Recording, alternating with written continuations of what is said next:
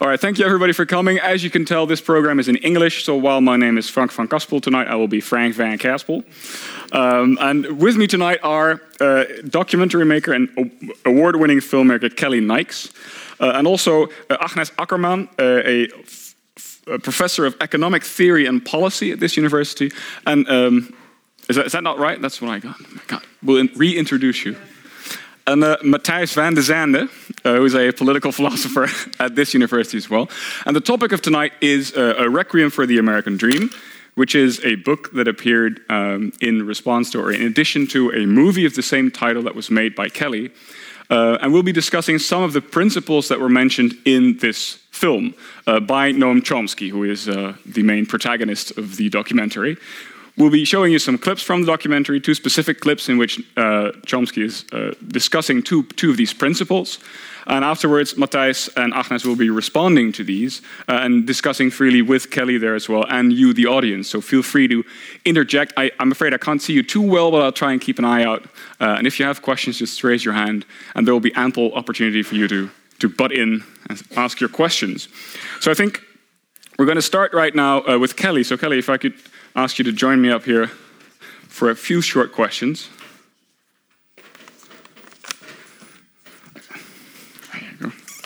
Uh, a warm round of applause for Kelly, by the way.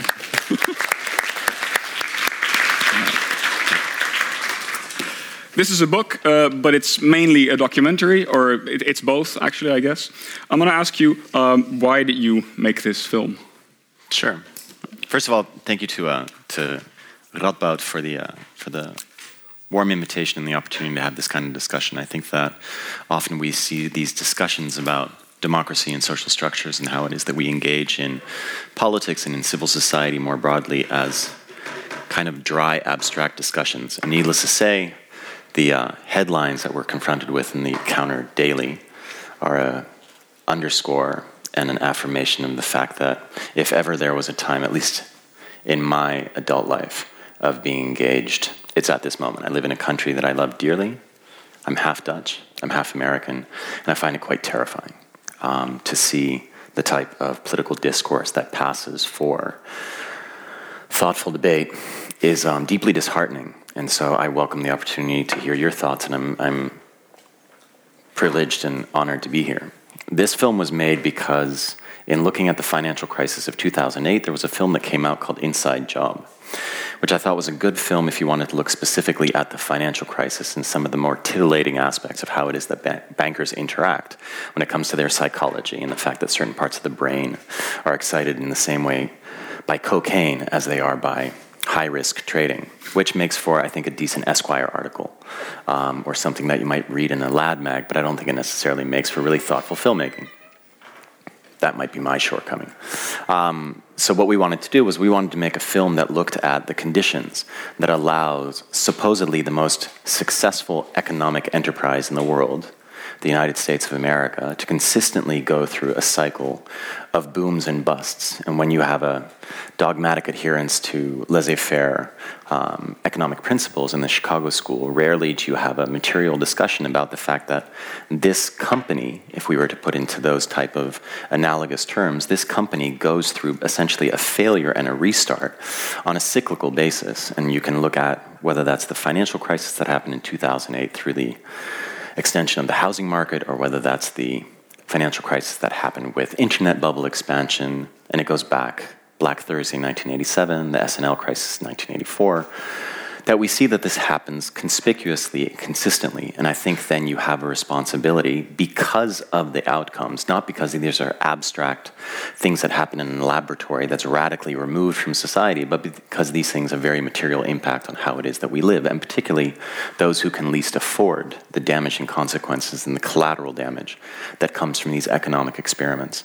Why is it that this consistently continues to happen? How is it that we accept A, this failure, and B, that to repair the failure, those who are least able to afford it are the ones who are asked ultimately to pay the cost. So that was the reason for, for wanting to make it, was to want to go and have this long form discussion about what are these inherent characteristics and conditions that allow this to consistently happen. And then it's a, then it's a question of casting Um, you know, if you're going to make a good romantic comedy, then you probably want to call uh, Tom Hanks. Um, and if you're going to make a film about, did I just totally date myself? um, but if you're going to make a if you're going to make a documentary about history of basically political conditions in the United States and the economic questions that come into play with those, then I think you would be hard pressed to find someone um, as qualified to engage in that discussion and to, to catalyze that, that conversation as Noam Chomsky. And lastly, I know that you guys didn't come here because Kelly Nyks is in Nijmegen. Um, it's Noam Chomsky it's his ideas, it's, uh, it's his thoughtfulness, and it's his research, and it's his studies, and it's his insights. And so I think for a film like this, you don't want to, so to speak, be left preaching to the, to the converted choir. You want to reach as broad an audience as possible, particularly in a day and age like today because yeah, so that's going to be my question. You, you, just explained like the the interest that you have in the topic, and you want to expose the reasons behind this cyclical movement. But what I haven't found yet is, is this is just a quote that I took from your website or from your company filmmaking website. It says uh, we use film as a tool for social change. So it's it's not just about exposing it or making a documentary. You want to you want to accomplish something with this movie. What you're doing right now, for example. Yeah, I mean, we had a the the I think that's a point well taken. We had a screening at the university in Amsterdam yesterday, and there was one of the political philosophy students who said this film is a is a political expression, mm. and I thought that that was accurate. I wouldn't necessarily identify it myself with the term as a political expression, but ultimately these are a different kind of film. We don't make a baseball season film, um, and maybe we should. Um, but the, the films that we make are films that seek to unpack issues that are that we consider to be, or at least that drive our passions about issues of primary concern in society. Um, and so, yeah, I hope that, um, and thus far, so to speak, the experience has been that this has been the case. But we hope that by presenting material, some of which it is that you're likely going to be familiar with, some of it that you're not going to be familiar with, and we present these in an as he- even-handed manner as possible. Obviously in a cinematic i mean it is a medium of cinema so it does have to have cinematic quality. But ultimately this tool is meant to it's an action film. It is meant to spark action whether that's discussion in this room whether that's further discussion um, in the so to speak in the public square or whether that's even deepen engagement at that. But at least that it that it that it if you before watching the film and after watching the film that that experience at least catalyzed even if it's just a change in, in considerations that it that it does that. So it, it is, mm-hmm. it is a prompt at the at the very at its very essence. Certainly. And of course we'll be discussing topics tonight. We won't be discussing the way you filmed certain settings. We'll be discussing the content of the movie of course. I guess that's the main message um, and before we go watch some of that movie, I want to ask what it was like to, to make this movie. You told me that it was mm. basically an extended interview. How did that work? You, you, went over to Chomsky's house, or yeah, no. So he's um, so he's been at he's been a chaired professor at MIT since he was 33, and he's now 87. So he essentially kind of built the place. Um, and he's the the thing that's staggering, or that I necessarily I didn't necessarily expect, was that he's incredibly available and he's incredibly personable, um, and and how the film, the process, the filmmaking was that it um, we had our initial questions. Um, we were very clear with him that we only wanted to focus on essentially the the financial cycle and how it is that the financial cycle leads to this re- repetition of bursts and bubbles, but the conditions around that, the political conditions, the social conditions, and the economic conditions. So obviously, looking at how it is that America has shifted from, so to speak, the the activist sensibilities from the, the early to mid '60s, and then how that you know basically from the the Nixonian shift and then the Reagan Revolution on. Um, how it is that, the American economy has shifted from a manufacturing economy to a financially uh, sector driven economy, and how it is that the population has shifted. Um, and so, in that, we would then go and have an interview with him, and, and the film very much the production of the film very much functioned as a protracted conversation. We would film, we would come back to New York, we would edit, we would then formulate our follow on questions, go back to Boston, and that could be three months later, that could be six months later. It was kind of like a conversation in really dramatic slow motion, in that we would go back, ask the follow ons, come back to New York, and then ultimately until we, uh, until we had the film. And so, did he see some of that early, that editing work as it was going on, or, and did he like respond? Did he? Did he? Yeah. No, the no. first time that, that he ever saw it was in. Um, in Rochelle, in upstate, uh, not Rochelle, um, upstate New York. It starts with an R, and I can't remember it right now. But it was upstate New York. It was about five hours north of Manhattan. And we went there, and it was the first time that he was there. So sitting there, and he walks in, and it's like, oh, he's going to see it for the first time. And we're in the room, and we have to do the Q&A with him afterwards. And if he doesn't like this, this is going to be amazingly awkward. and so it was very sweet because we watched the film with him, and then and then he, the moderator's sitting here, he's sitting here, and I'm sitting here, and I just couldn't help myself. So I lean, I, I lean over, and while, so to speak, the credits are rolling and, and people are clapping, I, I lean over and I said, you know, without throwing up, I said, "What did you think?" and he goes, "You gave me the one thing that I've never had, and that's concision." And he said, My children always, when I was lecturing them growing up, I would say, Come in here. And he said that his daughter started getting into the habit of saying, Dad, is it going to be the five minute version or the 15 minute version? so I know and so he was, yeah, he was very complimentary, and because of the uh, because of the the success of the film and the fact that he very much appreciated, because the structure of the film, the ten principles, came from us through a very painful process of trying to figure out how the hell to make this movie work. Um, so he very much appreciated that, and that led to a natural transposition into a into a literary form. Yeah, because I was going to ask you, you made him concise. Uh, this is less concise than the movie, then. So this is correct. Extended. So, yeah. yeah. exactly. So the the difference between the book and the the Dutch version um, was brought brought out by Haven last Tuesday, um, which is now available. Um, the, the great thing about the film was that it gave us the opportunity to to obviously there are a tremendous amount of things that you have to leave on the cutting room floor, um, both in terms of what it is that he said himself, but also the primary sources. One of the things that, and actually this is a, uh, I appreciate your asking the question because one of the things that I'd like to note is that in the film, many times he says, "Not my words." He has an encyclopedic knowledge, and he'll refer to things that are that I found quite shocking. So, spoiler alert this is uh, going to give something of it away, but at one point he uses the term to protect the minority of the opulent against the majority. And he says, and this is Madison's ideas in the debates of the, the secret debates of the Constitutional Convention when formulating the Constitution. And he points out, rightly so, that Madison was one of the firmest believers in democracy in the, the, the colonies at the time, but still felt like the American system had to be structured to protect the minority of the opulent, the wealthy minority, from the majority. Now, when, you, when I heard that the first time, you might have a different reaction, but when I heard that the first time at MIT, I was thinking to myself, that's just not, come on. That's, the American narrative is about you know, all men are created equal, we the people. And then suddenly, within the secret debates of the Constitutional Convention, you see this very clear understanding of how it is that the system needs to be governed. And, and Chomsky compares and contrasts that to Aristotelian ideas of, of democracy. And so, in the book, we are we're also able to give the full context of what it is that he says, but also the primary sources. So each chapter has both what he says and then when he refers to something. In the film, we can only do the minority of the opulent against the majority, but in the book, you actually see the full documents. And that's what I found a, a great thing to be able to do with a book and also really astounding of just his intellect. I think one of the also the, the difficult things, the challenges, is that we have wonderful thinkers, contemporary thinkers. Um, I love, for example, the anthropological journalism that Joris Luyendijk engages in. Um, but I think that we don't necessarily have an heir apparent to, to Chomsky, which was part of the privilege and the honor of being able to make the film. Thank you very much. We're going to see the opening of the film and the first of these principles of concentration of wealth and power. Exactly. Afterwards, we'll have a discussion.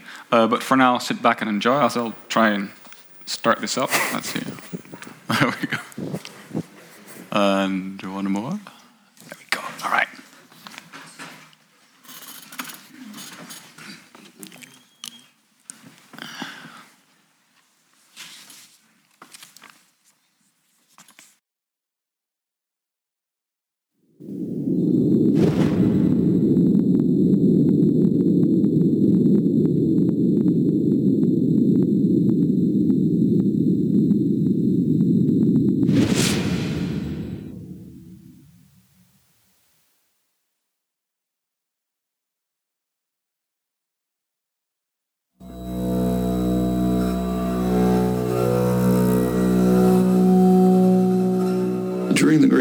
Which I'm old enough to remember, there was, and most of my family were unemployed, working class.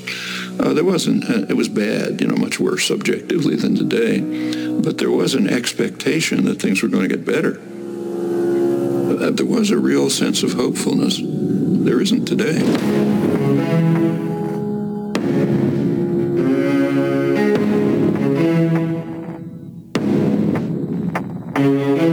Inequality is unprecedented. I mean, if you look at total inequality, it's like the worst periods of American history.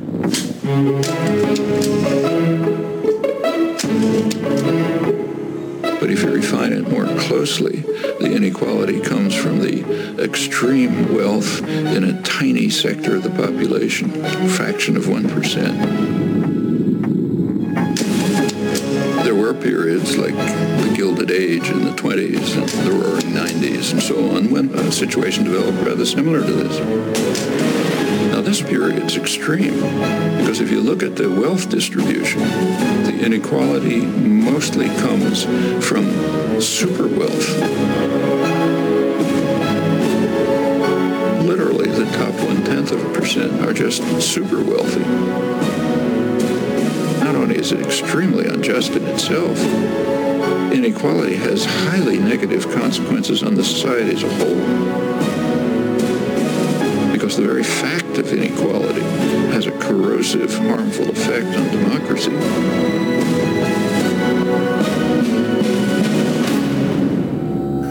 You opened by talking about the American dream.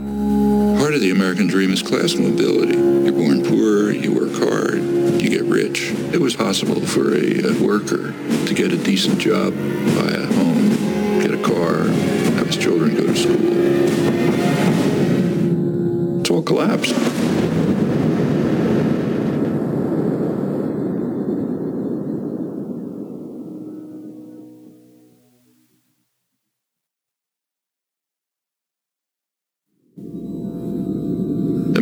Yourself in an outside position looking for Mars. What do you see?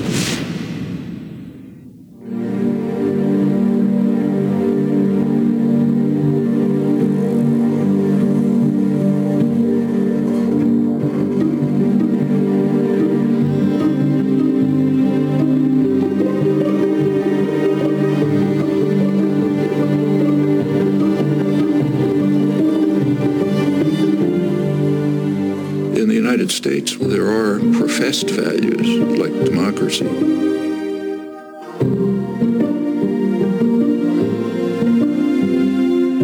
In a democracy, public opinion is going to have some influence on policy. And then the government carries out actions determined by the population. That's what democracy means.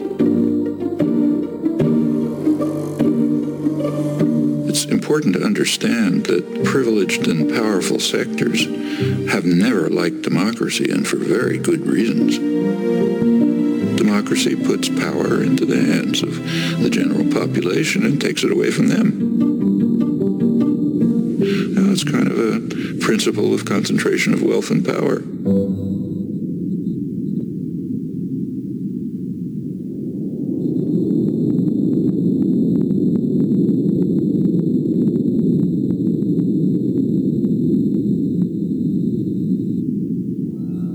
Concentration of wealth yields concentration of power, particularly so as the cost of elections skyrockets, which kind of forces the political parties into the pockets of major corporations. And this political power quickly translates into legislation that increases the concentration of wealth.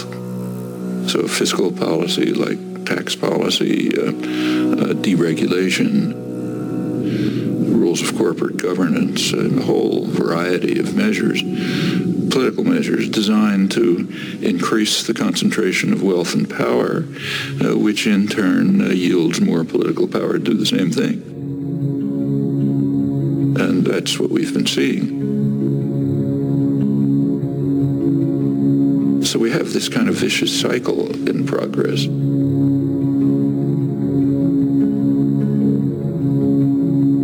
Actually it is so traditional that it was described by Adam Smith. In 1776, you read famous Wealth of Nations. He says in England, the principal architects of policy are the people who own the society. In his day, merchants and manufacturers. And they make sure that their own interests are very well cared for, however grievous the impact on the people of England or others. Now it's not merchants and manufacturers, it's financial institutions and multinational corporations. The people who Adam Smith called the masters of mankind. And they're following the vile maxim, all for ourselves and nothing for anyone else.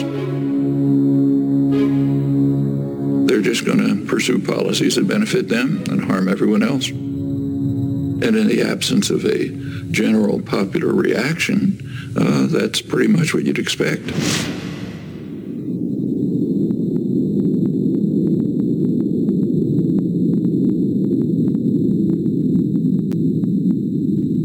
Right through American history, there's been an ongoing clash between pressure for more freedom and democracy coming from below and uh, uh, efforts at elite control and domination coming from above. Goes back to the founding of the country. James Madison, the main framer, who was as much of a believer in democracy as anybody in the world that day, Uh, nevertheless felt that the United States system should be designed, and indeed, with his initiative, was designed so that power should be in the hands of the wealthy, because the wealthy are the more responsible set of men, and therefore the structure of the formal constitutional system placed most power in the hands of the Senate. Remember, the Senate was not elected in those days. It was selected from the wealthy men, as Madison put it, had sympathy for property owners and their rights. If you read the debates at the Constitutional Convention, Madison said the major concern of the society has to be to protect the minority of the opulent against the majority. And he had arguments. Suppose everyone had to vote freely. He said, well, the majority of the poor would get together and they would organize to take away the property of the rich. And he said that would obviously be unjust, so you can't have that. So therefore the constitutional system has to be set up to prevent democracy.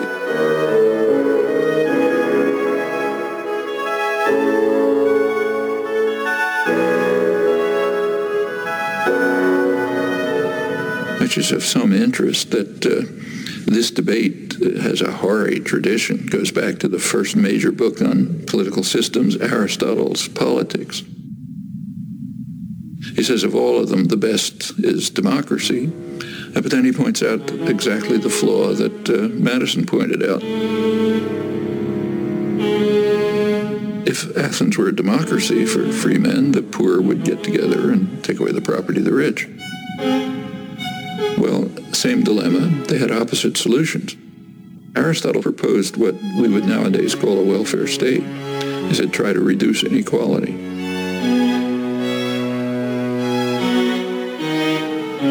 So same problem, opposite solutions. One is reduce inequality, you won't have this problem. The other is reduce democracy.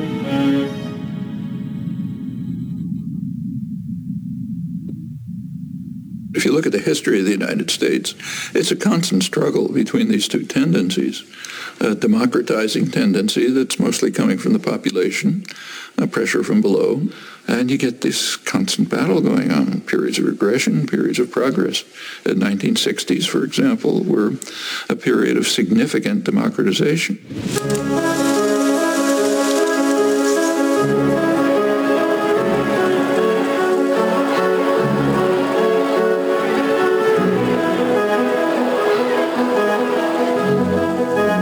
Sectors of the population that were usually passive and apathetic became organized, active, started pressing their demands.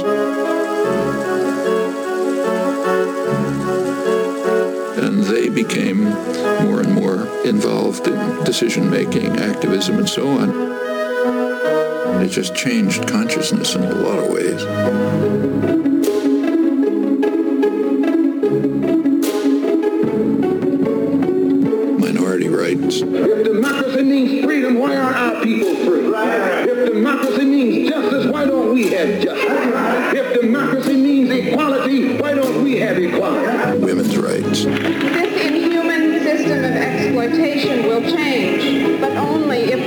It to change and force it together. Concern for the environment. A unique day in American history is ending, a day set aside for a nationwide outpouring of mankind seeking its own survival. Opposition to aggression. I'd say to those who criticize us for the militancy of our dissent that if they are serious about law and order, they should first provide it for the Vietnamese people, for our own black people, and for our own poor people.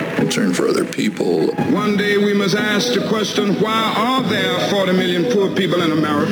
When you begin to ask that question, you're raising a question about the economic system, about a broader distribution of wealth, the question of restructuring the whole of American society. These are all civilizing effects. And that caused great fear.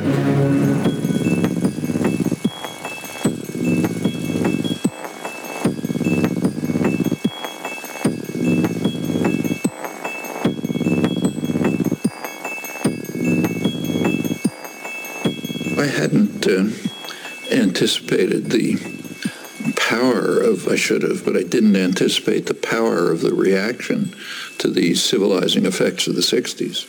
I did not anticipate the strength of the reaction to it. The backlash.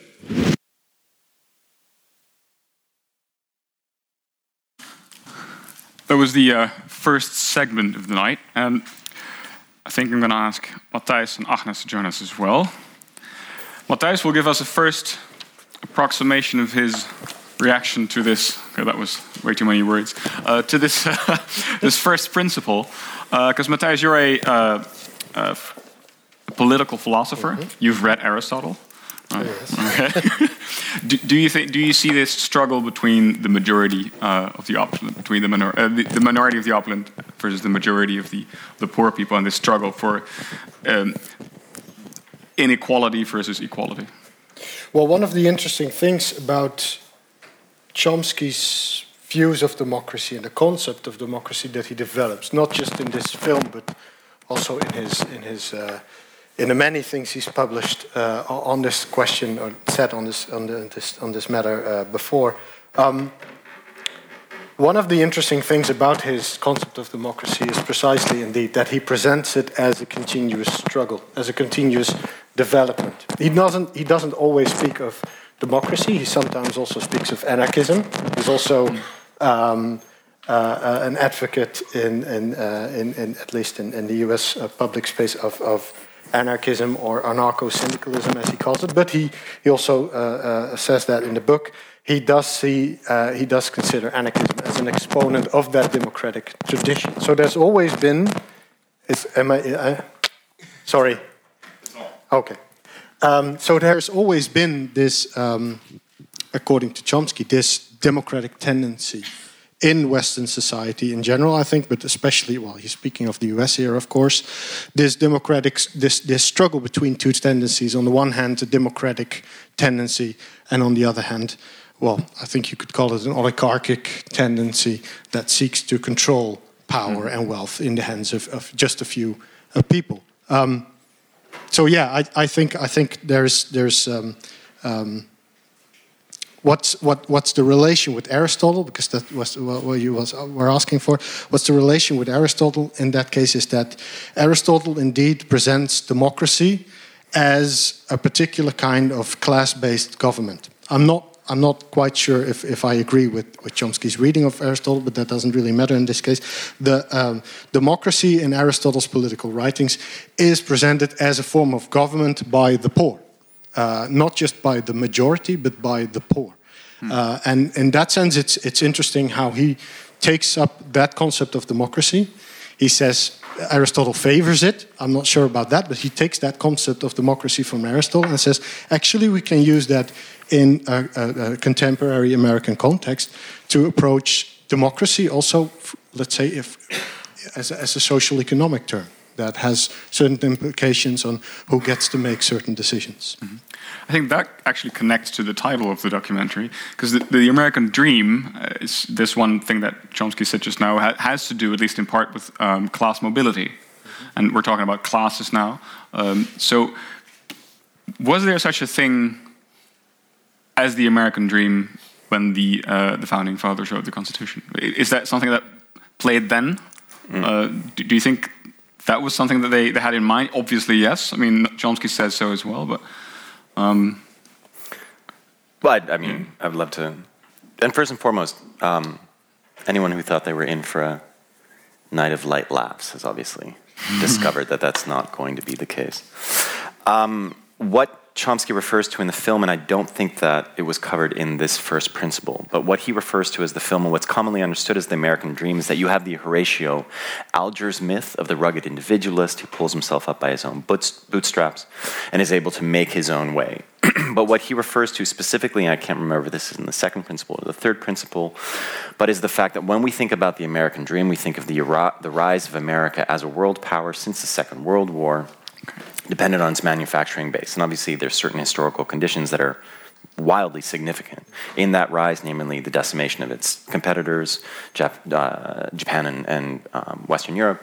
Um, but what he speaks to specifically in that era, and now you're talking uh, mid, uh, late 1940s until the late 1960s, is that the what he speaks to about and what he refers to as the American dream is that that growth is egalitarian. The tax policy was structured in such a way that the lower quintile, the bottom 20% of the American population, and the upper quintile, the top 20%, progressed in their economic advancement in roughly um, lockstep, uniformly. So there wasn't the type of exponential growth we see now, where the top 10%, 1%, 0.01% see dramatic improvements in their income and, more importantly, in their wealth, because they're taxed differently on wealth than they are on income, versus what is happening with, the, uh, with uh, those who have less economic viability. And the fact that this doesn't happen by chance to point to, to what it is that, that Matthijs said that I think is, is accurate, is that Chomsky does see it as a living struggle. And part of that is then expressed in tax policy. I think the correlation between public attitudes and legislative policy is one of the obviously prime locuses of study for political, for political science. To give an example, under a Republican president, under a Republican president in the 1950s, the top level of the adjustable tax rate in the United States was never lower than 91%. What? And you tell Republicans that today, and after they've stopped laughing, then they then show it to me. Under Eisenhower, never lower than 91%. It went up to 93%. There's a famous interview in Life magazine with the CEO of, an, of one of the largest American corporations. And he's being interviewed about what's it mean to be at the helm of an American company in, in, the, in the 1950s. And he lives in this actually rather kind of not modest because he's a you know he's a, a, a successful businessman, but he lives in this rather seemingly okay house in Chicago. And the journalist points out to him, "But you don't have a pool." To which the the CEO says, yeah, we were thinking about doing one. We were thinking about getting one, but for the time being, we can do without. And that concept of doing without, granted, it's anecdotal, and I wouldn't want to make a principle out of that, but that does bespeak a certain type of sensibility, as then represented by the fact that at 91% adjustable tax rate, you've essentially capped what it is that you can earn at around $1.2 million. And basically, there was the communal decision of yeah, that's we're going to kind of decide that that's around enough. And there are social programs that then allow that to happen. So I, I, think that when he refers specifically to the American dream, we are talking about an era of egalitarian, egalitarian growth. And I think that that's important to. For framing Yeah, his very, statement. very good. But this, this first principle is reduce democracy, not not uh, increase in egalitarian. What's what's the I, I think the two for Chomsky are very closely related to each other. So Yeah. democracy for him does not merely mean the right to vote every four years.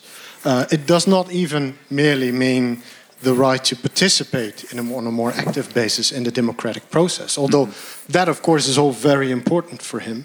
But it also means that you actually have access to higher education, that you have access to social security, all these kind of things. If you're heavily in debt, which is one of the examples he, he often uh, makes, uh, if you're if you're in debt, you cannot be concerned with politics. You, you're worried about your, your about your home, about your life. I mean, you, you're worried about your income. If you're if you can't feed your kids, you don't have time to engage in a democratic process. So. Um, democracy and, and social economic e- equality are very closely uh, intertwined. They, they presuppose each other. Uh, And I think they, they are both implied, indeed, in his concept of democracy. Now, it is telling that not only in the US, but also here, I think, in Europe, we don't often take that into account anymore. We, we tend to approach democracy merely as a, as a well, you can go and vote, right? uh, yeah, exactly. As a formal, uh, uh, uh, formal set of of, of, of, of structures, rules, regulations, institutions, and we have a say every four year, and we can choose between several parties that say pretty much the same thing. Um, but for him, democracy really means access to a lot of things uh, that that even make it possible for us to engage in that democratic process. And by the way, that is precisely to get back to, to Aristotle. That is precisely why he refers to Aristotle. Because why is democracy the rule of the poor? Because in a democratic society where everyone could participate in the democratic process, those who didn't have a company at home, those who, because at the time economy was in the private sphere, people had their slaves in their industry at home. So those who didn't have a business at home had the time to engage in politics, had the time to engage in the democratic process. So these things are very closely uh, interrelated with each other.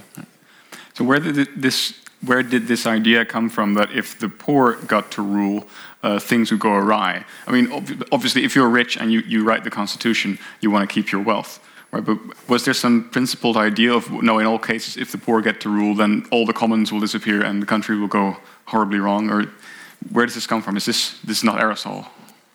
What Madison hmm. referring to here is, is the comparison he was making to was England at the time, and there had been vociferous debate around the idea that if we equalize the vote, then obviously the minority landed is going to be disenfranchised by the majority who's unlanded, but who is tending the fields. So in essence, they have ownership in spirit, but they don't have ownership. They have ownership by proxy, but they don't have ownership in, in legal terms, and that was very much the cur- concern, which therefore then led to the Senate being, which we forget, um, or at least let me. I tend to forget, or, or I get surprised by certain facts, that we remember that it wasn't until I think 1917 that the American Senate, the United States Senate, was directly elected. Before that, they were appointed. And needless to say, that appointment came from a very specific pool of candidates. That was not a broad cross section of the population. And to circle back to your initial point, this came up in, in discussion over the course kind of of the last since no, the first Tuesday of November of last year, um, because the United States has terrific marketing and always has done. Um, I think they're extraordinary exporters, whether that's of cultural products or, or of ideas. And I say they are because I'm half Dutch, half American. I have an American mother, which is why I sound like this. Maar ik ben echt Nederlands. Um, and so the, the, I think that, and so I, I kind of st- look at this in this kind of strange half in, half out way. Um, and so the, I think that America exports ideas really exceptionally because when you can quote unquote tell the story of inspiration of democratic principles, but essentially you reduce the voices in the collective discussion to white propertied males, I, I don't know how, how you get around mm-hmm. that, that dichotomy, how you get around that, that, that inherent contradiction in terms. So I, I think that when we talk about the American dream and we talk about this exceptional marketing campaign, mm-hmm. that I think we really have to talk about the context and the conditions so that we have a deeper understanding of what that actually means. Very good. Sounds spliffy. I completely agree. Uh, is something that you uh, you want to add? Is there something that you Mm. notice that you say, well, Well, this we're is talking about the United States. Yeah, exactly. Obviously, we're not the United Exactly, States. So yeah. I think it would be interesting also to see whether we can generalize this idea Mm-hmm. uh, to the European context, for instance, Mhm. or even narrow it down to the Netherlands. Yeah. So, and then the American dream. Would we have had such a dream, or still have a dream of this social mobility or economic mobility? And I think that's you know less pronounced than in the United States. But I think, uh, especially in the 50s, 60s, 70s, there was an idea that everybody, you know, every from every social class could, you know, have some certain economic uh, standard. For instance, uh, owning a car, for instance, and also uh, following higher education, for instance. And that is the question whether you know it's still open for everybody here or not. So mm-hmm. I would think that there is not, you know, the American dream is not, in a sense, not that American, that it, but it's also for more modern, developed mm-hmm. societies, uh, an idea of that we can have, we can build a society in which, you know, everybody has access to these privileges. M- My impression may have been that in the Netherlands we have less of, an, uh, of, a, of a connection with the class that we, we come from. I know that in the United States it, it's getting less and less as well, but I, I would not, I wouldn't even know what, what, what class I would be in. Middle class, example. I guess, yeah. Oh, sorry, I missed it. Middle class, because Middle the class. majority of the, the Ah. Dutch would be there. So Yes, middle class From sounds right. statistical terms, you would be. I think that, that they're, you know, uh, much less than there used to be. You Mm-hmm. know, if you would have asked this question in the 60s, people would, you know, uh, would definitely have known to which class they were, you know, what was supposed to be the answer to Mm-hmm. that question. So, but I think It also depends on, what, what Uh, European country you are. So for yeah, it doesn't, and in, in social class not only refers to you know economic status, but also to intellectual or uh, uh, cultural. I think uh, over the past few years, and I mean the time that I have been aware of politics in the Netherlands, we've seen some politicians come in that I, I would say are not part of the intellectual class, at least. So there seems to be some mobility there as well. But I, I, I that, that wasn't part of the of discussion. That, that, I, I haven't seen newspaper articles discussing that a different class has now entered politics. I mean, it's uh, so I'm uh, yeah. I would actually, I would. You would disagree? Depends on I'd- the party, huh? I'd be interested to ask a question is that, and this was my experience of the Dutch election, um, viewing it from international journalism. So, what I received reading, not necessarily European journalism, but reading American journalism about the Dutch, Dutch election was that writ large, I mean, really in, you know, above the fold block letters was Wilders loses. Um, and then, if you actually look at it, I think he went from 14 to 18 or whatever. There was an increase in seats. Um, he became the second largest, if not the third largest. Um, so, basically, on both a numerical level and a representational level, it's just that nobody will work with him. But then you're obviously getting into, you know, uh, paragraph four, maybe after the jump, where suddenly you're getting into details. But ultimately, the story that was was told was Wilders loses. But speaking to the American dream and speaking to access and speaking to the European context, what I find staggering and what I really find actually to be a shortfall in journalism, it's certainly in America. I don't know if it's different here um, because there's so many paywalls that I can't. Um, um, but that that what what ended up I think, and I'd be curious to know how it's being discussed here. But if you look at what the option was, it was either you, and the, the true loser was obviously labor. I mean, labor had their biggest loss since the Second World War. So you either have the choice between what is considered in most circles a no-go, which is Wilders and, a, and a, basically an ethno-chauvinist party, um, and I say that without a cultural, uh, without a value attachment to it, um, truly. Um, but you have a choice between Wilders and an ethno-chauvinist party, or you have a choice between essentially laissez-faire economics. Now, obviously not as unbridled as the United States, but you have a choice between Rutte and this, this continuation betw- mm-hmm. towards that has really material impacts. Like I was stunned to find out that there's no Studiebeurs anymore since two years. That there's no basically government funding of, and that's the mo- that, that's that is. I, I think that it's underreported how impactful that is on the progression of your life. Um, but I'm curious to know how that is being discussed because I feel like, under the guise of whether it's Le Pen or Alternative for Duitsland or under Wilders, that under the guise of this existential threat of what it means to our democracy, we are seeing essentially an, an inevitability of a Macron style economics, of a Rutte style economics that, that has I think, really deleterious effects on, on the robustness and vitality of democracy.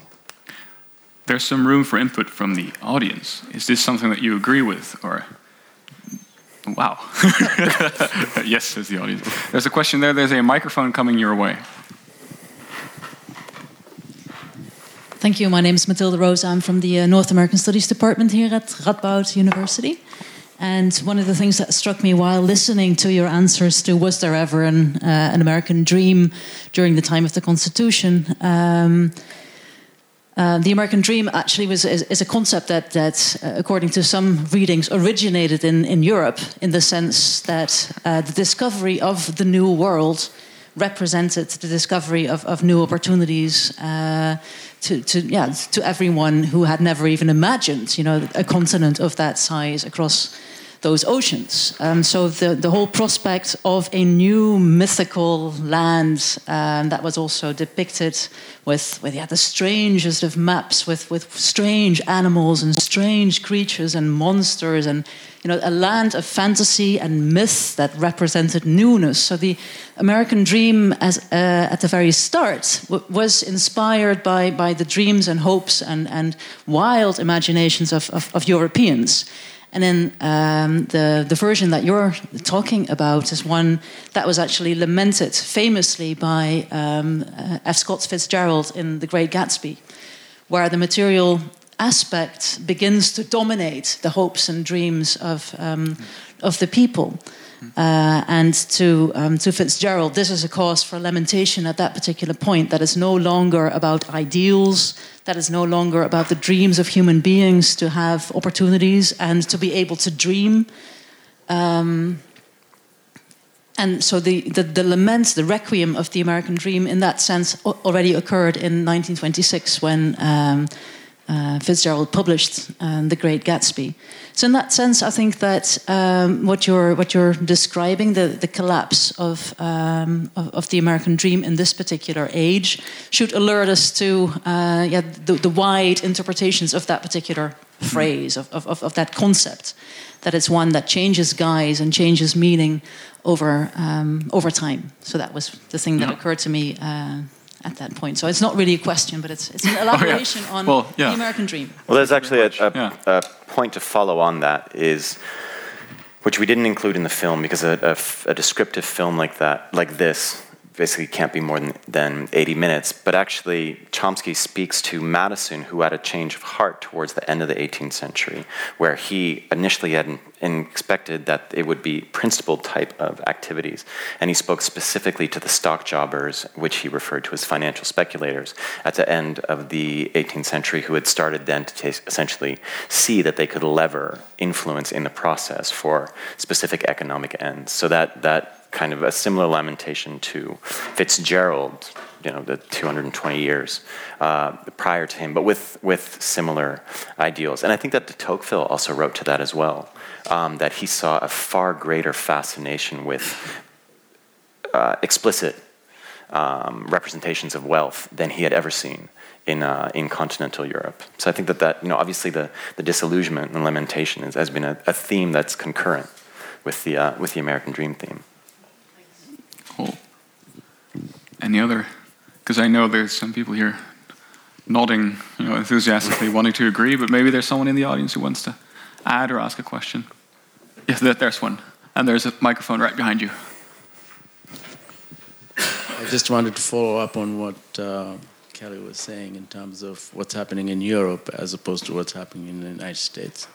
And maybe you guys can tell us a little bit about the collapse of um, traditional parties, um, and also the rise of um, uh, professional politicians here and in the US, who, people who don't have any ideals, they're just there to be marketed as politicians. And the other, I had another thought about um, seeking comment about what do you think about in Germany in the 21st century that we have 90, almost 90 Nazi people sitting in parliament. And I would, if you don't mind, I'd love to follow on on that. I would love to know what the debate is around essentially the tr- extraordinary fall of labor within the uh, within the political context. I mean, first, well, if, if I may respond, uh, first the. Um, one, one thing that I suppose is important to stress: uh, the, the, this footage was sh- sh- uh, made before Trump's election, right? Correct. So the the um, because I don't think this is merely a European thing at the moment. In many European countries, like the Netherlands, not Germany, like France, like the UK, but also in the USA and many other places, what we've seen in the past years is actually a, a division, a political division on what, well, what supposedly you could call the right, or what perhaps you could even call the, the, the elite or mm. the, the oligarchy in, in, in, in all these different countries, where a neoliberal, um, uh, in some cultural terms, perhaps cosmopolitan, but, but economically very neoliberal, uh, laissez faire uh, right wing agenda. Um, is uh, collapsing with, with a more nationalist uh, right wing agenda. We see that in France with Macron, who's also not as left wing as we like to as, as we like to think, uh, uh and who has many neoliberal ideas on, on, on the economy. Uh, versus uh, Le Pen, we see that in, in, in the UK, where the, the, the conservatives are really quite divided between these two camps. And we see that in the Netherlands as well, where basically there's several right wing agendas um, in, in, in, yeah, in collusion. It's the same in, in, in, uh, in, in, in, the US, arguably, where Trump um, has developed or is, is the exponent of a particular kind of political discourse that a lot of people uh, that Chomsky is talking about in this film probably won't like because it's it can be very bad for business the stuff Trump's been doing and Correct. also internationally it's been very bad so um, some interesting things happened in that sense since this film was made, perhaps, or at least since the interviews were done, uh, in the sense that it, it becomes very hard to speak of the elite or these uh, plutonomy, he calls it at some point in the film, or oligarchy, as one block, as one group of people with a similar interest or with a shared class consciousness, if, if that's how you want to name it. That's a term Chomsky also uses a lot in the film, like the elite has a certain class consciousness, and at the same time, the last thing they want is other people to have that as well. Mm. Um, so I think that is important to take into account. Actually, what we see in Europe and the US is, is, is this, this conflict on, on the right as well. Um, that may also partially be an explanation of the of the of the fall of the left, because where there is there is there is at least debate possible on on, on the on the right, there's no alternatives presented at this moment, at least on the on the on the social democratic left side, uh, not just in the Netherlands, but in many parts of Europe at least, um, where they don't have a counter narrative to the many things that have happened, at least since the economic crash uh, in Europe and the US and many other parts of the world. So perhaps that's partially, only partially, an answer to your question. I don't know, mm. uh, and perhaps also partially an answer to yours, because I think it is striking this emergence of new extreme right nationalist uh, uh, parties um, that, in many ways, uh, uh, um, uh, how to say, enforce, contribute to a particular kind of political discourse that the right benefits from at the same time, the right is very divided precisely on this on this political discourse. Look at look at the UK at the moment. Uh, a lot of people on the conservative side are not very uh, optimistic about the Brexit. They're not very glad with that Brexit vote. Mm. So they're divided on this issue themselves. Right. And this idea of, of career politicians. Is that how does that tie into this? I don't. I don't think that's a new phenomenon at all, is it? Mm. Career politicians. I think the career politician in the European uh, context would be Tony Blair, who very specifically picked one party to lead because he thought he had bigger, a bigger strategic chance there to become a successful politician than in the other party. So I don't think there's anything new about the career politician, but um, at least not, not as much as, as, as the other developments that you described. I don't know. Yeah, I would take a slightly different lens on that. If I were to understand your question or the interpretation that I would have of your question is, so to speak, the um, the postmodern social media PR politician.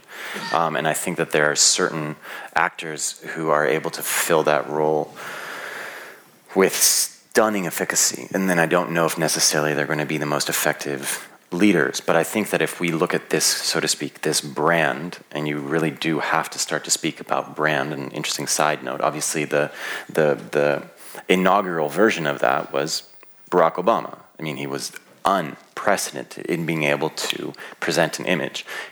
Chomsky notes later in the film that Barack Obama, his campaign won the award from the advertising community for the best campaign of 2008. They said we've been selling, quoting Chomsky, he says that the advertising community said, We've been selling candidates like toothpaste since Reagan, and this is our greatest accomplishment yet.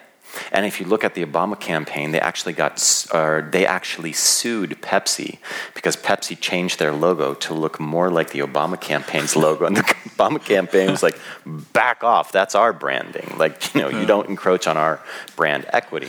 but I think that if you look at, so to speak, the the mechanisms used by Obama, by Jesse Klaver, by mm. Justin Trudeau, by Macron, you get this young really well spoken in terms of media telegenic friendly sound bites. You know, whether there's an, an incredible depth of, of policy there or not is still to be seen. I mean, Justin Trudeau has taken some really horrendous decisions on the environment. But he looks like, I mean, and, and the, the journalism around it is like all you see is a picture of Ivanka Trump staring with these lusty eyes at Trudeau two, two chairs over, and the uh, log line is, you know, is Jared jealous? Jealous. And it's like that's what that's what we're talking about is that Ivanka is making eyes at Justin Trudeau when he comes on a state visit. We're not talking about the fact that he's essentially fast tracking tar sands in British Columbia, which is going to produce a carbon sink to a carbon carbon contributor, which is essentially, according to James Hansen, the head of the, the Goddard Institute at Columbia University and the foremost NASA uh, climatologist, says is a literally full stop game over for the planet. And we're kind of busy. I understand that last week the primary discussion was about the flower power shoes of a certain Dutch minister. But yeah, come on. Okay, so you say there's a certain disconnect between uh, image of politicians and policy. Uh, a but, huge yeah. disconnect. Not necessarily means that they're career politicians. Okay. No, but I think that I'm taking a different stance yeah, yeah, at somebody who goes through, like Frans Timmermans has been in politics forever. Mm-hmm. And I, I, understand that you mean like a, a, a career bureaucratic politician. And I mean politician as a professional politician, this kind of idea of like, mm-hmm. I step into that role role and I know what to say and I know how to navigate PR and I know what it is. I know where the lights are, so to speak. Like I don't think Wim Kok really ever thought about, you know, do I have makeup on or not?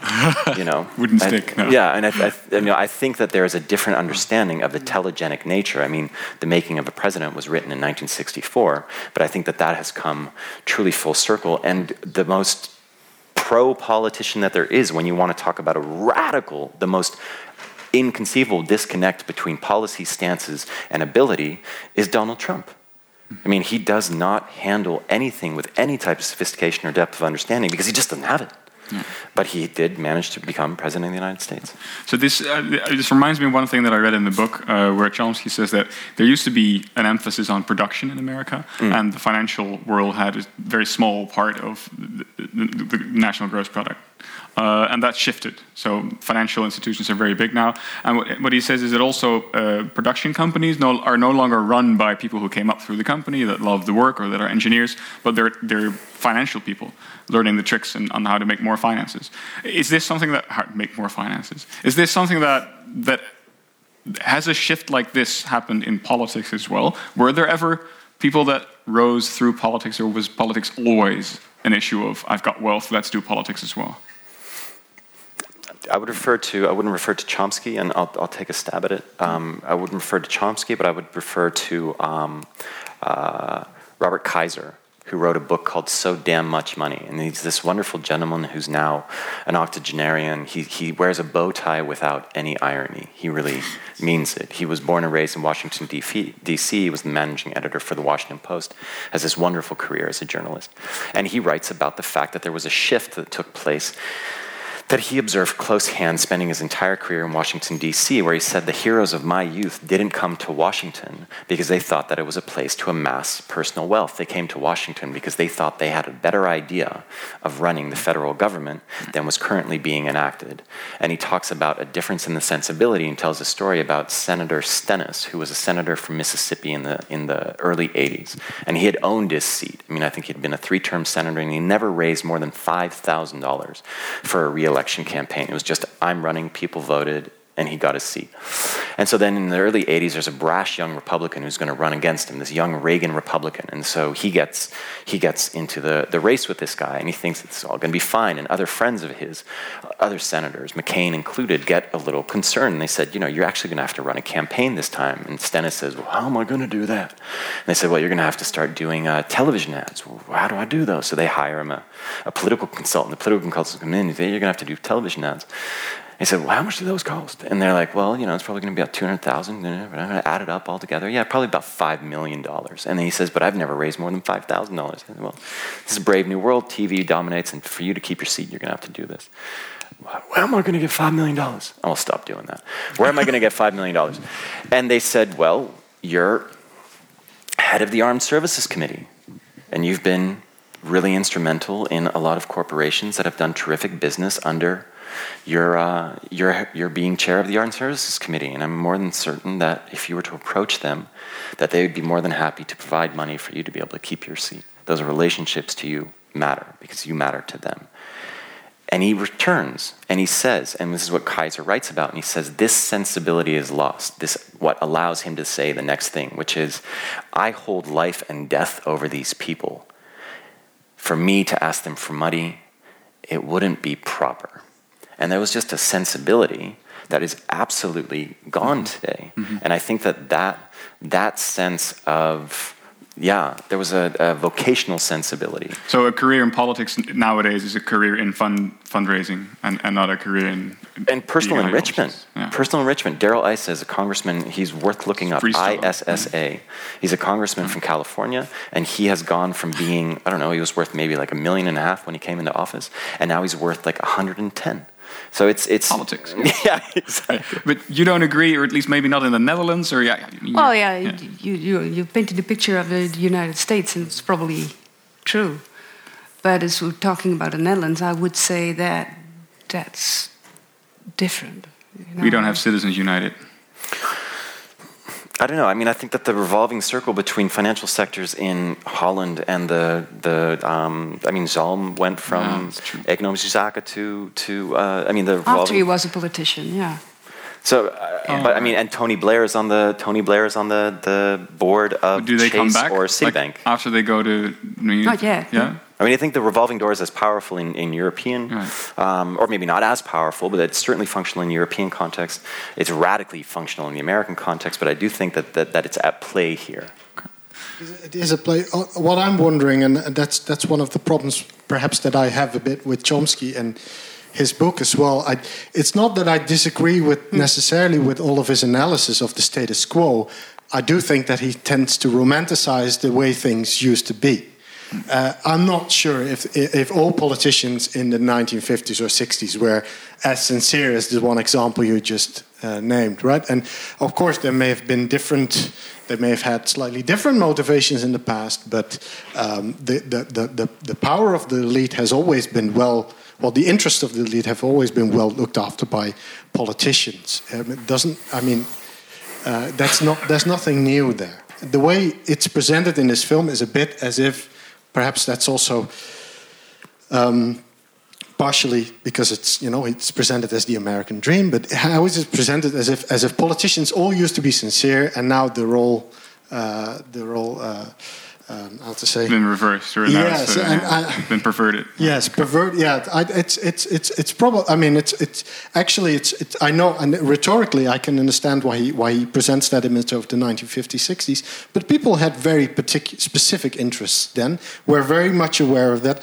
and used used politics and used uh, uh, public institutions to get what they wanted at the time.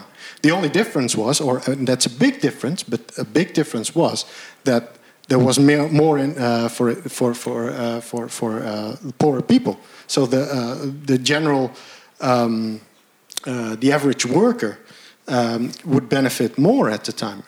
But does that mean that the American dream was established? Does that mean that the democratic tendency, as Chomsky names it, was really winning in the 1950s or 60s? It was winning more than it is today. It was more successful than it is today. But he tends to be slightly too romantic in that sense. Also, when it comes to the image of, you know, now CEOs are all trained at business schools, they used to be engineers.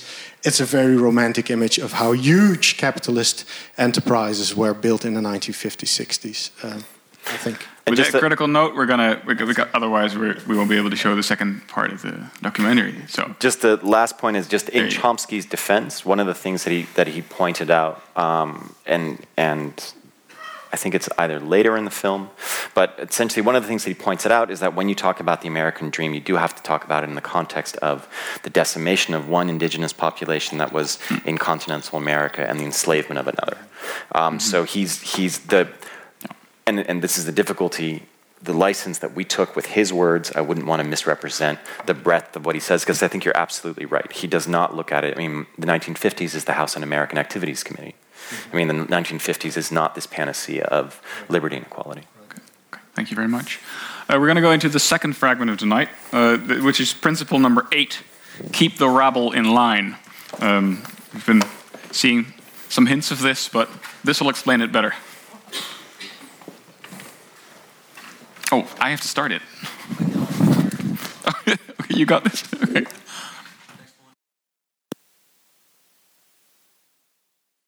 There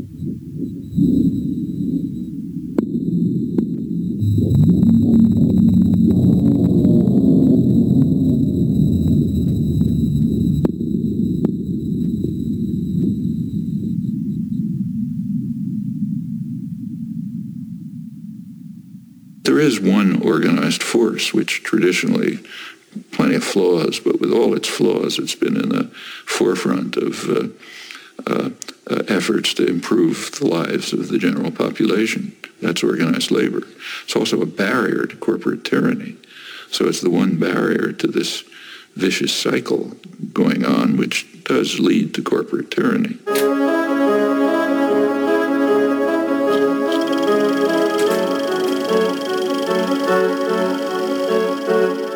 A major reason for the concentrated almost fanatic attack on unions, on organized labor, is they are a democratizing force. They provide a barrier that defends uh, workers' rights, but also popular rights generally.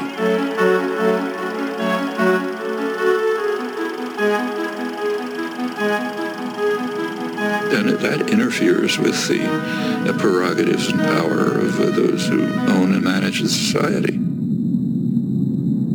I should say that anti-union sentiment in the United States among elites is so strong that the fundamental core of labor rights, the basic principle in the International Labor Organization, is the right of free association, which would mean the right to form unions. The U.S. has never ratified that. So I think the U.S.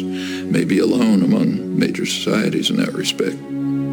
It's considered so far out of the spectrum of American politics, it literally has never been considered.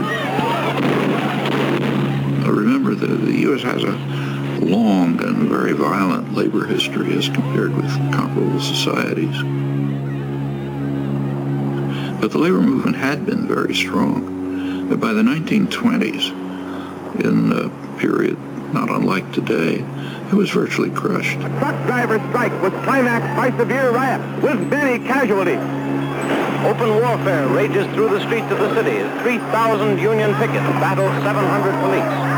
Guns, tear gas, clubs, and fists bring injuries to more than 80 persons and cause the death of two.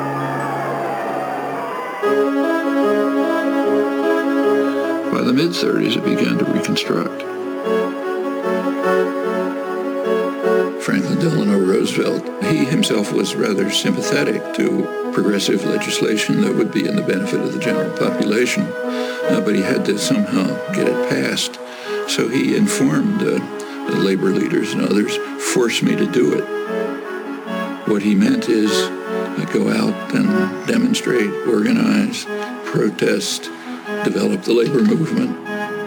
When the popular pressure is sufficient, I'll be able to put through the legislation you want. I am not for a return to that definition of liberty under which for many years a free people were being gradually regimented into the service of a privileged few. I prefer that broader definition of liberty.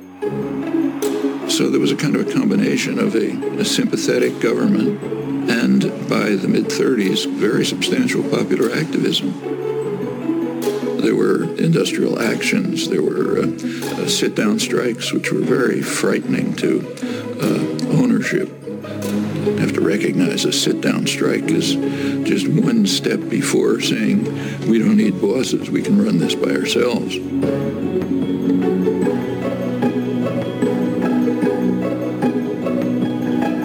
And business was appalled. You read the business press, say in the late 30s, they were talking about uh, the hazard facing industrialists and the rising political power of the masses, uh, which has to be repressed.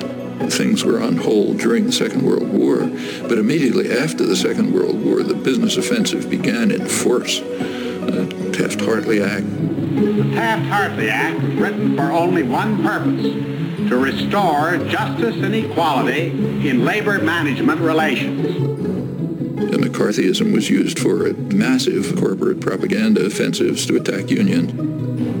It increased sharply during the Reagan years. I mean, Reagan pretty much told the business world, if you want to illegally break organizing efforts and strikes, go ahead. They are in violation of the law, and if they do not report for work within 48 hours, they have forfeited their jobs and will be terminated.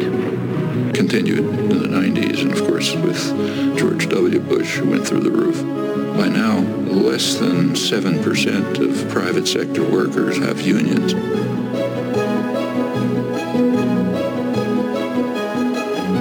The effect is that uh, the usual counterforce to an offensive by our highly class-conscious business class has dissolved. If you're in position of power, you want to maintain class consciousness for yourself, but eliminate it everywhere else. You go back to the 19th century, uh, in the early days of the Industrial Revolution in the United States, uh, working people were very conscious of this. Uh, they, in fact, overwhelmingly regarded uh, uh, wage labor as not very different from slavery, uh, different only in that it was temporary. In fact, it was such a popular idea, that was a slogan of the Republican Party. Well, that was a very sharp class consciousness in the interests of power and privilege. Uh, it's good to drive those ideas out of people's heads. You don't want them to know that they're an oppressed class. So this is one of the few societies in which you just don't talk about class. In fact, the notion of class is very simple. Uh, who gives the orders, who follows them? That basically defines class. Uh, it's more nuanced and complex, but that's basically it.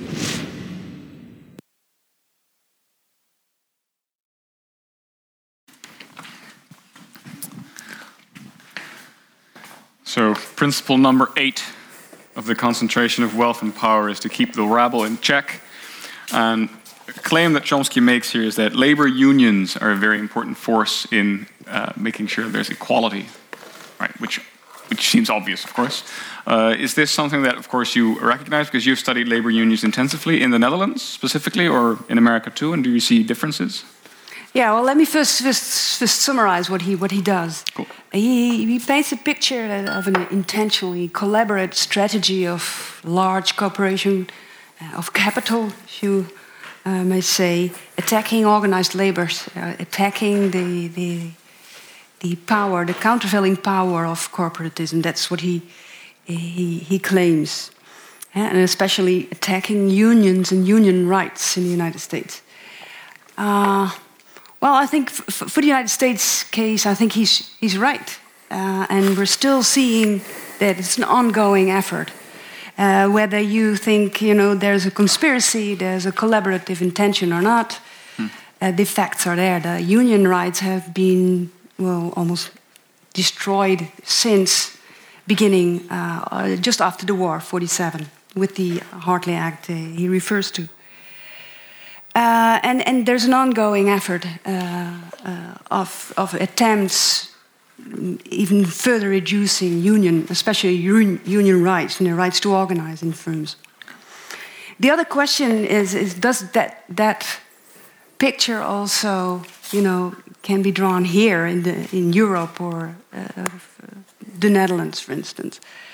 Do we also see these, you know, these destructive uh, strategies to reduce the or reduce organized labor in, in general? Mm -hmm. Well, let's, I would say let's focus on, on the difference between the United States and the Netherlands in terms of the economy and also in the labor market institutions we have. Because, in, in, in contrast to the United States economy, we have a very consultative, uh, uh, consultative economy, which means that we have built labor market institutions in which employers and employees uh, organization uh, uh, jointly you could say, jointly determine or somehow co determine socioeconomic policies. Like the SER, for example. For, for example, at the national levels, we have the SER, we have, um, even more importantly, the, the spring and autumn consultation rounds with the government, uh, which, which uh, what times the socioeconomic uh, policies are you know, drawn. We have them on the sectoral level for the collective agreements. The United States also collective agreements, but it's more dependent on what happens in the firm and the company. You know, allows unions to to organize. Uh, and of course, we have that in the organization with the uh, with the with the uh, work council. So we have a, a totally different design of our social economic policy. And another, uh, coming to union rights, uh, union rights are also designed very differently. They're independent of your workplace. So in the United States, they depend on the employer. And in the Netherlands, it doesn't depend on the employer. You're free to join a union, uh, whichever one. Uh, uh, and there are no union elections for union recognition. Uh, and the individual employee decides, and that's also, that's also the tricky part, uh, decides whether he or she joins a union. Mm -hmm. And the other side, the employer decides whether he wants to negotiate with the union or not.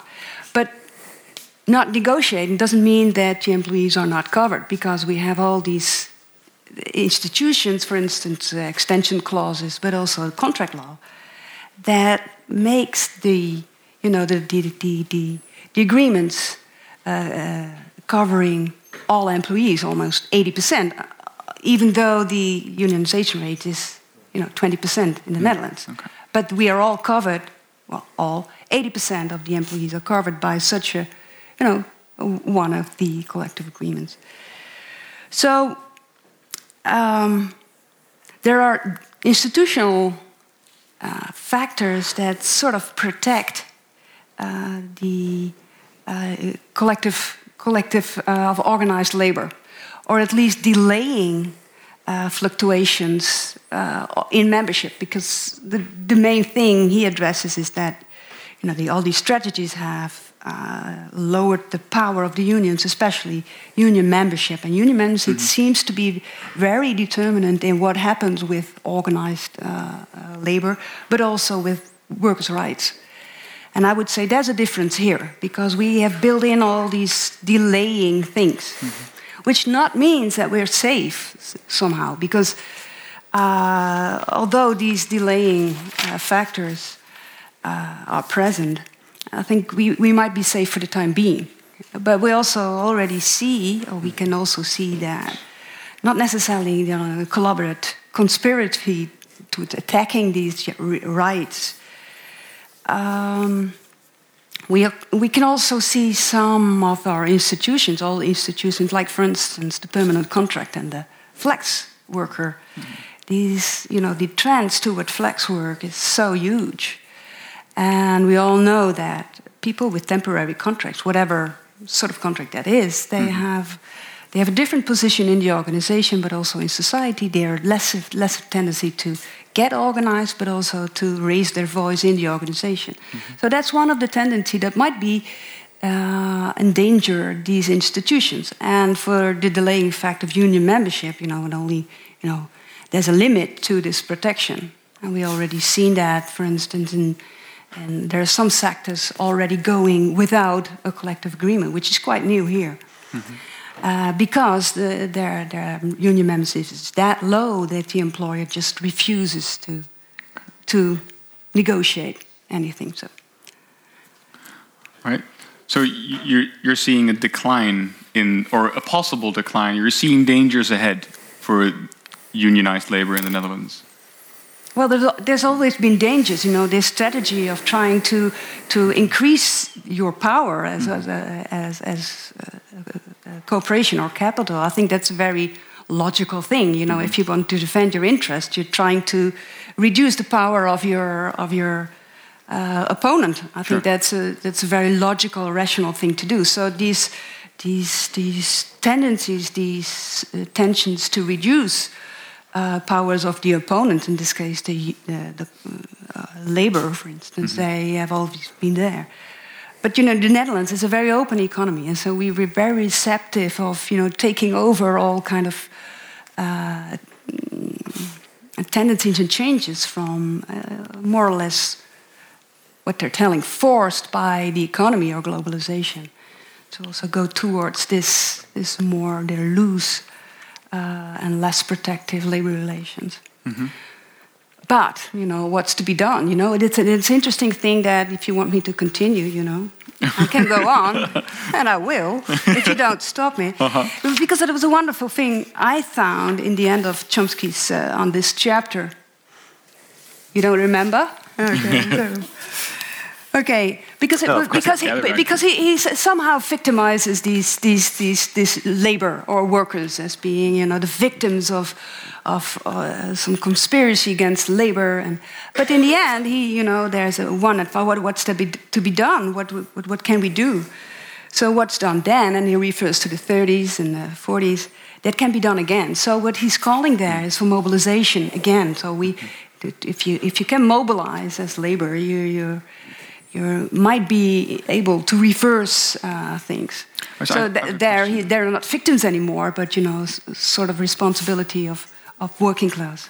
I, I have a question. What was this treaty that was mentioned in the documentary that the United States didn't sign? Does that have anything to do with the? Oh, yeah, that's that's the uh, that's uh, one of the uh, international labor organizations uh, act. act. It's, I think it's nine or eight, and that is the the that's the the the act refers to the uh, um, the right to uh, organize, to form a union of. Uh, so workers should be able to form a union and all kind of protections to make sure that they are really able to form a union, to organize, to, to form a collective so, organization. So, so workers in the United States don't have that right. They are not signatory to the ILO. No, right. they, didn't, they, didn't, ratify that one, and, and we did. Mm -hmm. like most of the well, even in developing countries, hmm. uh, they did. Hmm.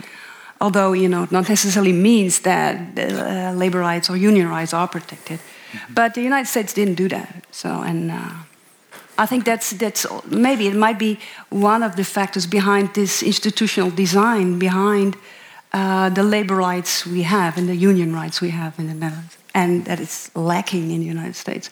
Mm-hmm. One of them, I think. Yeah. Right, so we should value we should value our labor unions and, and join them. I mean, because attendance is low, you say. Well, if you know, I'm not saying you should, but if we, if you know, there, there, I think there are some, you know, always dangers uh, that you could, you know, somehow uh, reduce the union rights, and if you, you know, if, if it goes along, uh, it, it, it, if it uh, perseveres, it will, in the end, you know, it will. If we don't, if we keep going on being such a rational individual employee, not you know wanting to pay union dues because you'll be covered anyway. Mm-hmm. Yeah, then in the end, it's the breakdown The of this breakdown. institution. There's no, you know, there's no misunderstanding. This will be, this will be happening if we keep behaving in this rational way. Okay, so I have, I have one more question, and it starts with uh, how would you translate ZZP'er? Uh, freelancer. Freelancer. Yeah. Mm. So yeah, Yeah. M- yeah, Good or enough, yeah. ZZP'er. I guess most people know what I mean. I hope. Uh, but so as we get more of those, uh, they don't seem to be organizing uh, in unions because it's very hard for them. For I mean, the, what would- what would it even mean for them to have a union? Uh, but there's, I think, there's been a recent development, uh, something that was discussed that that ZZP'ers need to have a arbeidsongeschiktheidsverzekering. Well, No, what's, how what's does that- yeah, yeah, because because it's the their, their Unemployment insurance. Yeah. Unemployment insurance. All right, cool. And pension insurance, but pensions also because a lot of them don't even save money for when they're old. Uh-huh. So, but the the the the, the, the thing is because they are you know uh, uh, independent, they're not employees, and they if they would make sort of a price arrangement, you know, it would be it would be uh, against the law because it would be you know some kind of Cartel. a cartel. Yeah. So what? But but now in the in the present uh, regeerakkoord, we find that there will be they were trying to. Uh, to have sort of a minimum minimum uh, what is it minimum uh, um, amount of uh, uh, fee or uh, money they or earnings Okay. for uh, ZZP'ers. So that that is you know something I hadn't expected, but you know, uh, but still there's a debate going on on whether we should force them into insurances or not. Yeah. But they are organizing, you know. That's, Okay. Yeah. They they can get mortgages even nowadays. I heard. Yeah. Which well, they, they, they could, uh, they, they al- always could, as long as they have a steady income. So Right, that's not, you know, limited to employees. He was right. Whoever at the top shouted that out. It was not unemployment insurance. It was, uh, uh, thank you, short-term disability. okay. Well, One all kind of insurances, also disability or uh, yeah. One thing I'd want to point out, and, and this is slightly, so to speak, slightly broader, is that when we talk about the, the relationships between labor and management, I think that historically that's been included to understand that those necessarily are globally, generally, they have similar interests, but not locally. That what it is that, so to speak, worker security is obviously of primary importance to labor, but worker security isn't necessarily of primary importance to management. And I think we also have to look at what it is that civil society is looking for and what it is that, so to speak, um, corporate interests are looking for. And, and let me qualify that because that's obviously an incredibly broad statement. And I think there are two things that I'd like to reference in that. In this day and age, um, in that we recognize now that the way that Western economies are structured are they're driving towards endless, infinite growth. That there has to be an increase in growth in GDP, but also in quarterly growth of companies. And if don't, if not, you're going to be battered by the city, you're going to be battered by Wall Street, you're going to be battered by Shanghai, you're going to be battered by Frankfurt.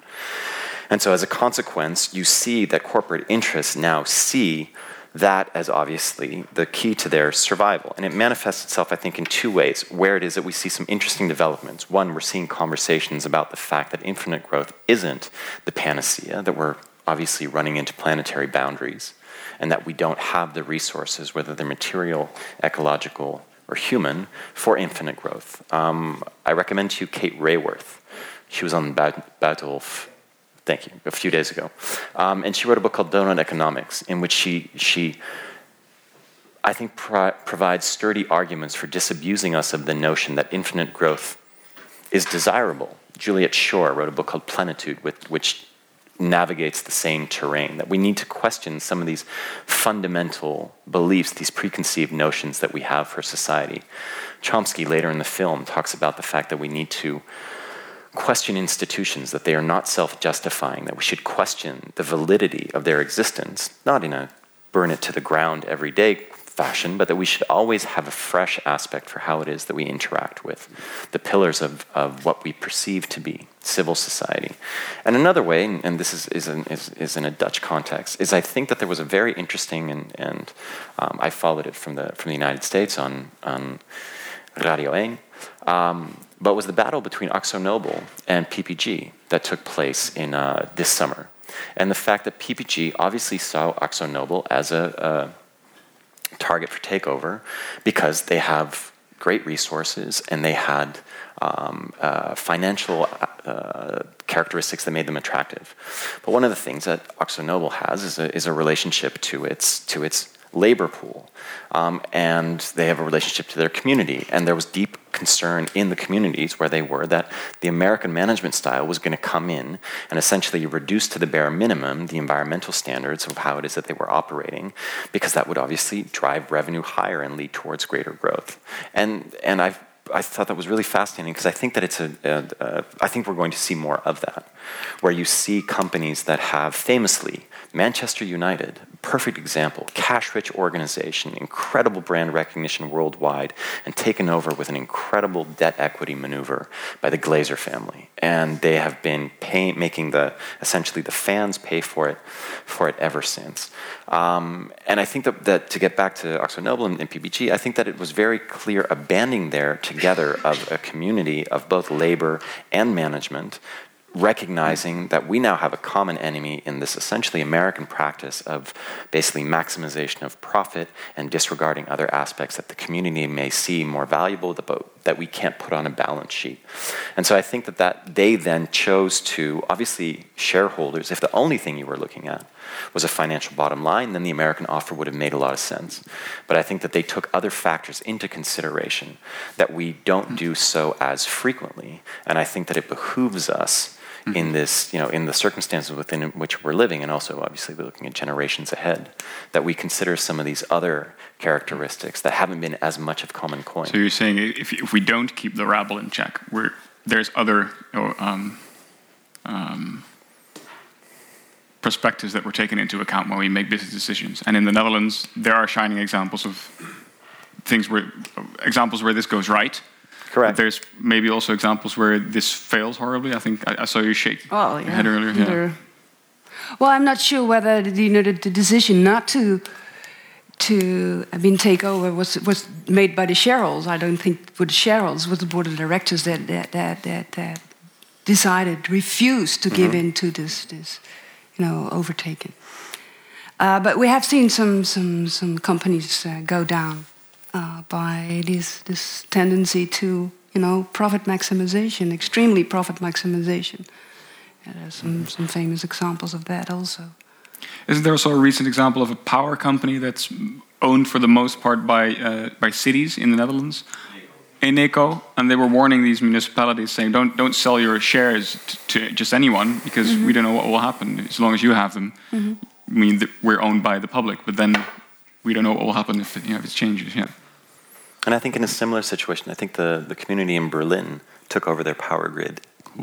I, I don't know the full details of that story, but I think that might be the that might be the question. I don't know if there are questions rather than just hearing us. yeah, there's one in the middle, then one in the back, and one in the front. in that order, not all together. Uh, yeah, so there's a microphone coming, but it, it's uh, it's in the middle of that one, uh, next to the red scarf. Thank you. Uh, I think the, for me anyway, the last comments hit on the uh, dilemma that we're talking about this evening because I think the American dream, and for that matter, the European dream, uh, for that matter, the Japanese dream, was uh, fueled and funded by the growth that we've had since the end of the Second World War. Uh, terrible price to pay to put us in that position. Um, but when everything was wiped clean and then and everybody had a clean slate to start with, then there was an opportunity for growth. And I think a lot of what we've been talking about with the labor union just uh, here in the last few minutes, also the AkzoNobel uh, story and so forth, points to, in my mind, the big the big dilemma. The the dream could very well be over. We live in uh, fantastically uh, modern, rich societies, and uh, most people benefit from a lot of the good things that we that we uh, have created, and we don't want to lose it.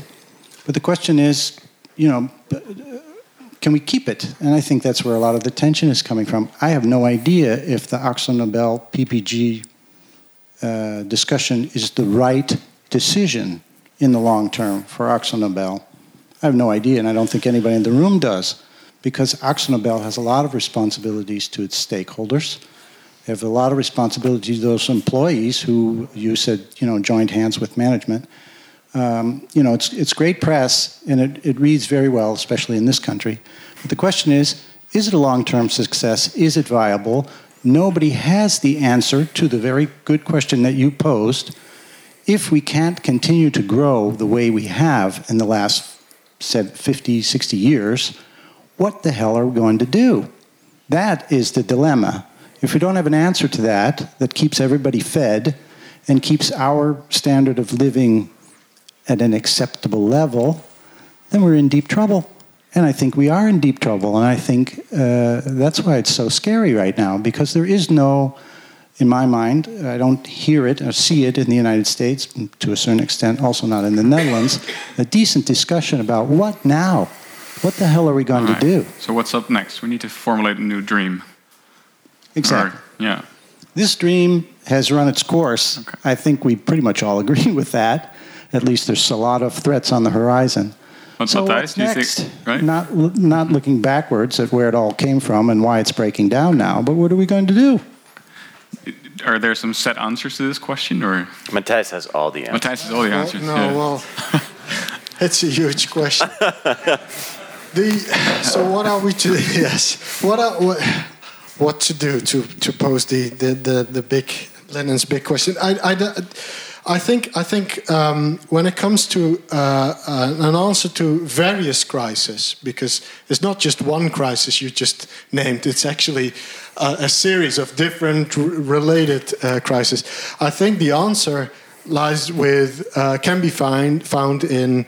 Um, but that doesn't really have much to do with Chomsky's analysis, perhaps, but in um, concrete political experiments that at this very moment take place in many parts of the world. Mm-hmm. Um, you were talking about uh, uh, a municipality that, that, that takes over its own power grid or that, that owns its own.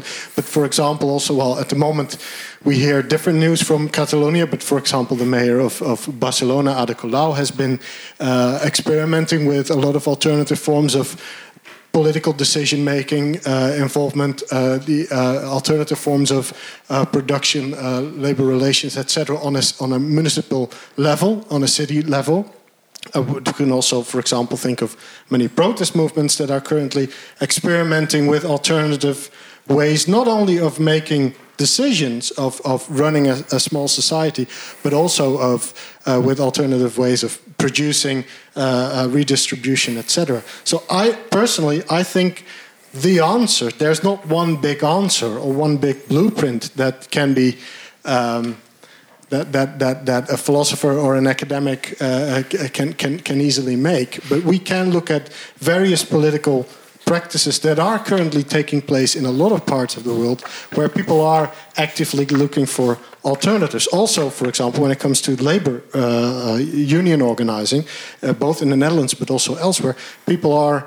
Uh, now starting to experiment with new ways of organizing, uh, also organizing on a new basis, forming new relations of solidarity with people who work in entirely different businesses or have an entirely different trade. So to cut a long story short, I think the answers must be found in practice, not necessarily in theory. But that's just my opinion. In the interest of time, we're going to. I would. I would actually just. It's and it's not an answer, but I would actually. I would uh, offer that. Are we asking the right question? Because I'm not so I'm not necessarily sure. I live in New York. I make documentary films, and it's very, very, very difficult for me to have anything that that you know essentially resembles a middle class existence there, because the the fabric of that city has changed so dramatically. A, a city that gave us incredible creative expression, and now is really is. I mean, I have friends who are moving to Detroit not because it's hip, but because it's reality. And so I would I would argue is the the question to ask is is what we have worth keeping and if it's not, then I think that we have to start looking at these alternative ways and also alternative valuations. And I think that one of the things that when we talk about, you know, the America from the 1950s is that houses were on average half the size of the houses that we are today. And the American dream is in a dream of not just corporate growth, but personal growth, whether that's our waistlines with you know an obesity epidemic, mm-hmm. or whether that's McMansions and and SUVs. And so I think that it's important that we look at, at what it is that our tastes are, and are those organic tastes that we have, not organic, but organic tastes that are f- basically, that come from human sentiments and sympathies, or whether these are acquired tastes, you know, Thorstein Veblen and the, and the theory of the leisure class, of where it is that we have been essentially indoctrinated as consumers. And I think that the question at root of that uh, thank you all very much for coming. And before I uh, going to ask for a warm round of applause for our speakers tonight, uh, I'll let you know that your book is up there, and also the Dutch translation uh, is available upstairs, and we'll be around here. So if you have very urgent questions, come around and talk to us. I, am not sure if there's a, a cafe nearby that's still open. Is there an official after party? Cultuurcafé? Cultuurcafé official after party. All right. Thank you very much, and a warm round of applause, please, for the speakers.